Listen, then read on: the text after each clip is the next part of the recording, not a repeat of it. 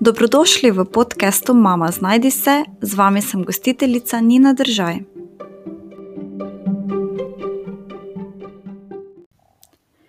Trije koraki do sprejemanja.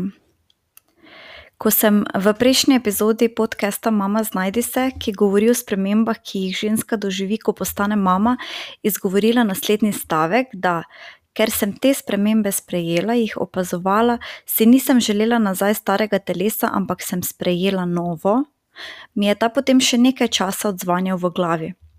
V bistvu je sprejemanje ključ do vsega. Do boljšega počutja, življenja, rasti in napredka. Eh, in čeprav sem ta stavek izrekla v povezavi s telesnimi spremembami, enako velja tudi za duševne spremembe, ki jih doživi, doživimo, oziroma za vse, kar se nam v življenju dogaja. Nekaterim ženskam je morda lažje sprejeti te telesne spremembe, kar eh, meni je, tega se zavedam. In tudi moje telo se ni tako zelo spremenilo, da bi bilo to opazno na prvi pogled in da bi se morala s tem še posebej ukvarjati. Pri meni je šlo bolj za neke manjše spremembe in večinoma sem jih doživljala kot pozitivne, zato mi jih ni bilo tako težko sprejeti. Nekaterim pa seveda je, in nekaterim drugim je pa potem spet teže sprejeti duševne spremembe ali pa morda spremembe življenjskega sloga, ki jih materinstvo prinese s seboj, odgovornost skrbi za drugo živo bitje. Vplive, ki jih ima materinstvo na izgrajevanje kariere, morda osamljenost, ki ga prinese predvsem prvo leto materinstva, ko je ženska na porodniškem dopustu in nekako potisnjena na rob družbe oziroma izvzeta iz družbenega življenja. To je namreč lahko velik šok za veliko žensk, in skupaj z vsem ostalim je lahko potem to tudi vzrok za neko nezadovoljstvo, za občutek, da njihova nova vloga ni tako pomembna, ker ji družba ne pripisuje enakega pomena kot recimo tistim, ki gradijo kariero in so pri tem uspešni. kaj torej narediti, če se nam je težko soočiti s temi spremembami? pomembno je, da te spremembe sprejmemo. Pomembno je, da sprejmemo sebe v novi vlogi, da sprejmemo nov življenjski slog in vse, kar materinstvo prinese s seboj. ampak včasih ni dovolj, da si samo rečemo: "Okej, sprejemam, zdaj sem mama in sprejemam, da je zdaj tako, da so nekatere stvari drugačne in da sem jaz drugačna." večinoma pač sprejemanje stvari, ki so nam težke, ravno ne poteka tako, in ker tudi pri meni ne poteka tako zlahka, da bi to samo izgovorila in bi se zgodilo, sem o tem več razmišljala. In bom zdaj povedala nekaj korakov, ki se mi zdi, da pomagajo, da to, ali pa katerokoli drugo situacijo mogoče lažje sprejmemo, in smo mirni. Najprej bi rekla, da je en korak na poti do sprejemanja mogoče žalovanje. morda bo potrebno si vzeti nekaj časa, da spremembe ozavestimo in da obžalujemo za vsem, kar je minilo, česar več ni in ne bo. priznajmo si, da nam je težko, začutimo to. povemo prijateljici, mami, partnerju ali komurkoli, ki nas bo zmogel razumeti. Vem, da se to zdaj sliši, kot da je materinstvo nekaj, kar ti življenje nujno spremeni na slabo. Ne, sploh ni tako in ne gre za to, ampak je pa neka prelomnica, ki jo vsaka izmed nas doživlja drugače. In če imamo občutek, da moramo obžalovati za starim življenjem, dajmo. jaz vem, da sem kmalu po rojstvu prvega sina imela obdobje, ko se mi je zdelo, da ne bom zmogla, da ne bom zmogla vseh teh neprespanih noči, utrujenosti, joka, njegovega joka zaradi krčev. in enostavno nisem si tako predstavljala materinstva in nisem bila pripravljena na to. In v tistem trenutku se mi je zazdelo, da sem se mogoče z odločitvijo za materinstvo prenaglila, prenaglila, da jaz tega ne bom zmogla, da to ni za mene. In ko sem potem vse to izrazila in obžalovala to neko izgubo starega življenja, sem lažje sprejela te, težke trenutke in te spremembe, ki so se ki so se zgodile. In potem sem imela veliko več moči za naprej in seveda sem zmogla. in še zdaj kdaj pride kakšen trenutek, ko se mi zdi, da je to vse preveč za mene, ampak mi potem vedno uspe iti naprej. materinstvo je lepo, ampak tudi naporno in težko in nima smisla, da bi to zdaj zanikale ali se borile proti temu, ker nam to ne bo pomagalo pri sprejemanju in boljšemu počutju. Se pravi, če mogoče zdaj ponazorim, kako bi izgledala ta neka borba proti spremembam. Se pravi, zgodile so se neke spremembe in me, namesto da bi jih sprejele, se na neki način, torej se lahko zgodi, da se na neki način borimo proti tem spremembam, da si ne želimo zdaj priznati te sprememb, da ne želimo spustiti starega življenja in starega jaza, in potem to izgleda mogoče tako, da izrekamo neke stavke, želje, imamo in izražamo neke občutke, kot so: "Hočem enako postavo kot pred porodom." Ampak tvoja postava namreč najbrž nikoli več ne bo čisto enaka, zagotovo bo vsaj nekaj na tvojem telesu drugačno. Ali pa potem: "Hočem enako potovati po svetu, tako kot sem, preden sem imela otroke." Seveda lahko tudi z otroki potuješ po svetu, ampak enako kot prej ne bo nikoli več, ker bo potrebno nekaj več prilagoditev, potovanja bodo izgledala drugače, moralo bo biti prilagojeno nekaj za otroka, seveda, moralo bo biti primerno za otroka in za, pač starša, da, da se da se boste vsi dobro počutili. In, taka neka borba proti tem spremembam v smislu: "Želim, živeti tako kot prej, čeprav imam otroka," nas po mojem mnenju ne bo pripeljala do nekega miru, do sprejemanja situacije. Seveda, lahko, v teh vseh spremembah, najdeš tudi nekaj pozitivnega, absolutno, in mogoče v tistem trenutku prav, da se osredotočiš na to pozitivno. In tudi vse spremembe zagotovo ne dojemamo kot težke, ampak jih je veliko tudi blagoslov, kot je blagoslov vsak otrok, in se lahko osredotočimo na tiste, ki nas vsakodnevno razveseljujejo, ki nas izpopolnjujejo, ki so nas presenetile v nekem, pozitivnem smislu. In potem se lahko še opomnimo, da je biti mama najlepša in najpomembnejša vloga, ki jo bomo kadarkoli opravljale, in da zato seveda tudi ni enostavna. potem kot drugi korak bi jaz rekla, da se obkrožimo z ljudmi, ob katerih začutimo, da je vse, kar se nam dogaja, normalno, da nismo same. zdaj pa, ker se partnerju življenje ne spremeni tako zelo kot nam, ki smo kar naenkrat štiriindvajset ur na dan doma z otrokom, on pa normalno hodi v službo, je v svojem socialnem krogu, se nam lahko zgodi, da ne bo on točno razumel, kaj mi doživljamo ob prehodu v materinstvo, da ne bo imel, občutka, kaj pomeni biti ves dan večinoma sam z otrokom, kaj pomeni ves čas za nekoga skrbeti in podobno. zato je, če potrebujemo razumevanje in pogovor, dobro, da imamo mogoče prijateljico, ki je v isti situaciji, kot smo mi. ali pa se nam mogoče lahko zgodi to, kar se je zgodilo meni, da sem bila prva med prijateljicami, ki je zanosila in rodila, in zato mi stari krog prijateljic takrat ni mogel pomagati pri sprejemanju teh občutkov, pač pa sem si mogla poiskati še en nov krog prijateljic mamic, s katerimi sem lahko potem delila vse te mama zadeve in kjer sem se počutila sprejeta in razumljena na drugačen način. Včasih lahko to oporo najdemo pri svoji mami, sestri ali pa v kakšni spletni klepetalnici, Facebook skupini mamic, tudi na blogih ali na družabnih omrežjih, kjer se govori o teh temah.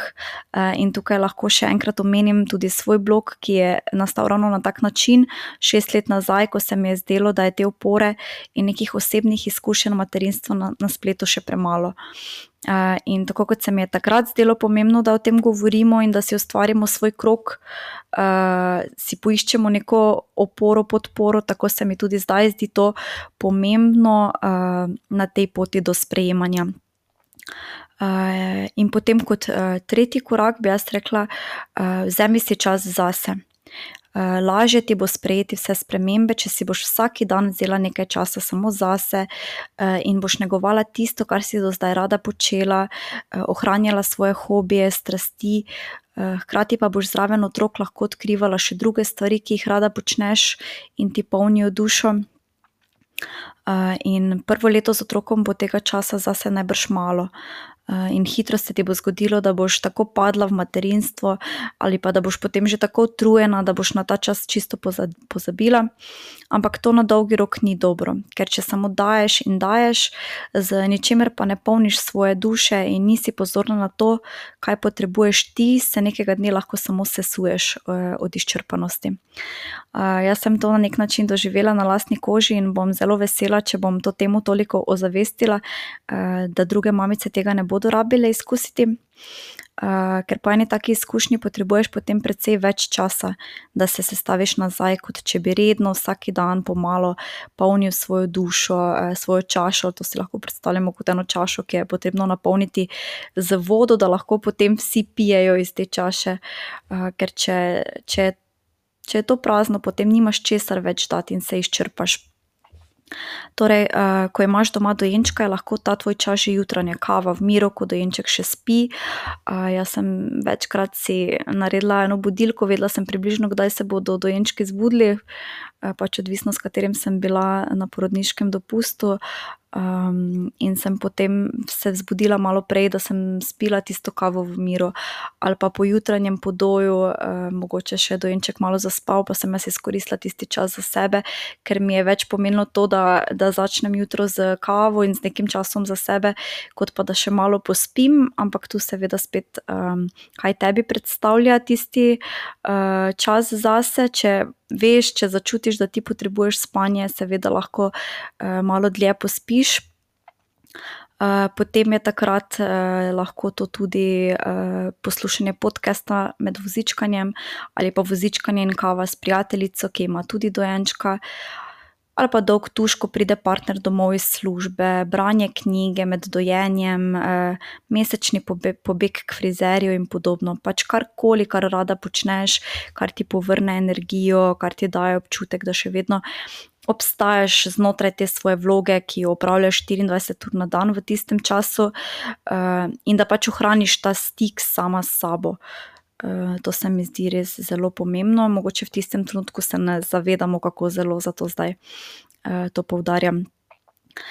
ko pa otrok odrašča in se osamosvaja, pa je seveda lahko tega časa več in prav je, da si ga znamo vzeti, da ne obtičimo v tisti situaciji, ko je bil otrok še mali in nas je ves čas potreboval in smo bile tega navajene in smo se razdajale, razdajale, pač je treba potem na eni točki preceniti, kdaj je otrok, dovolj samostojen, velik, da, da, da ima več tega nekega svojega prostora, da ima več stikov z drugimi ljudmi, da je, v vrtcu s svojimi sovrstniki, da je z babicami.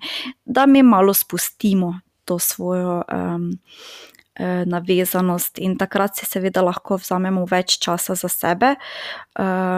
Jaz grem recimo rada na sprehod, rada grem s prijateljico na kavo ali pa na pivo, rada berem, gledam serije, poslušam podcaste in se učim o različnih temah. Tudi na koncerte sem prej rada hodila pred, temi korona časi. v glavnem karkoli spet, kar, kar te veseli, kar se ti zdi, da te napolni. lahko pa se ti zgodi, da se ti bodo pač čisto spremenile neke želje. lahko se ti zgodi, da preden si postala mama, nisi imela nobene potrebe po tem, da bi šla plesat s prijateljicami ali pa na koncert. zdaj pa boš si zaželela, ker mogoče boš rabila neki, neki večji, večji oddih, odklop od tega vsakodnevnega, življenja, ki zna biti tako rutinirano. lahko pa se ti zgodi tudi, da prej nikoli nisi brala, pa boš zdaj začela uživati v branju, mogoče boš, se rada potopila v neke druge svetove ali pa boš brala o vzgoji in pač vse to je normalno, vsaka naj najde tisto, kar jo sprošča in veseli. to je dobro za nas in naše počutje, posledično pa seveda tudi za naše otroke. Saj smo potem lahko bolj sproščene, potrpežljive, zabavne, osredotočene na njih, ko smo z njimi, ker smo pač napolnjene, izpopolnjene, kako bi temu rekli. kaj pa se mi še zdi pomembno, da hkrati smo jim zgled. saj jim pokažemo, da je pomembno, da skrbimo za sebe, pomembno je, da si vzamemo čas za sebe, da se imamo rade, in, da, da gradimo na, torej da, se uresničujemo tudi preko nekih hobijev, ali pa v svojem poklicu, da otrok pač vidi, kaj vse, si lahko v življenju. Se pravi, nisi samo mama, ampak hkrati opravljaš še svoj poklic, hkrati si hčerka, sestra, imaš svoje prijateljice, imaš svoje interese, hobije in da to otroku pač pokažeš, da je to vse normalno, in da naj tudi on sebe razvija v vseh teh vlogah. Otroci pač res nič nimajo od cankarjanske mame, nobene koristi, in to je zdaj menda že jasno v teh časih. Tako da čisto brez slabe vesti, si lahko torej vzamemo čas za sebe. ja, ali pa pač se uresničujemo tudi na drugih področjih ali si gradimo kariero ali pač, usklajujemo materinstvo z drugimi stvarmi. Če torej zdaj povzamem te tri, korake do sprejemanja, sebe v tej vlogi, bi rekla, da ti bo lažje, torej če si boš najprej priznala, da je zdaj življenje drugačno, da je lahko to težko, da boš obžalovala mogoče za svojim starim življenjem, za svojo staro jaz, sprejela vsa čustva, ki se ob tem porajajo, brez obsojanja. In ne govorim zdaj o nekem dolgotrajnem obžalovanju, da ni več, kot je bilo, ampak o žalovanju v smislu, da začutiš vsa čustva, da jih sprejmeš in jih potem spustiš oziroma se naučiš živeti z njimi. In ti tudi to pomaga pri sprejemanju in pri grajenju boljšega življenja potem naprej. lažje ti bo, če se boš obdala z ljudmi, ki te razumejo, ker boš potem, ko boš videla, da v tem nisi sama, tudi ti lažje razumela samo sebe. In lažje ti bo, če si boš vzela vsak dan torej nekaj časa zase in na tak način negovala sebe, svojo, identiteto ter polnila svojo čašo, da boš lažje potem dajala naprej. prisluhni si, da boš vedela, kdaj to potrebuješ, in ne boj se prositi za pomoč, če jo potrebuješ. preko vsega tega ti bo lažje sprejeti svojo novo vlogo, novo življenje in ta novi jaz, ki nastaja. Upam, da vam je današnja epizoda koristila in da vam bodo ti koraki pomagali pri sprejemanju sebe v svoji materinski vlogi. če ste mogoče trenutno v obdobju, ko to potrebujete, drugače pa lahko podcast Mama, znajdi se podprete s, tako, da se nanj naročite v aplikaciji, kjer ga poslušate, se pravi, kliknete subscribe, lahko ga ocenite, lahko kaj pokomentirate, lahko mi pišete na Instagram z ljubeznijo mama ali pa tudi na email info afna z ljubeznijo mama pika com. in pa hvala za poslušanje, in se poslušamo spet naslednjič. Adijo.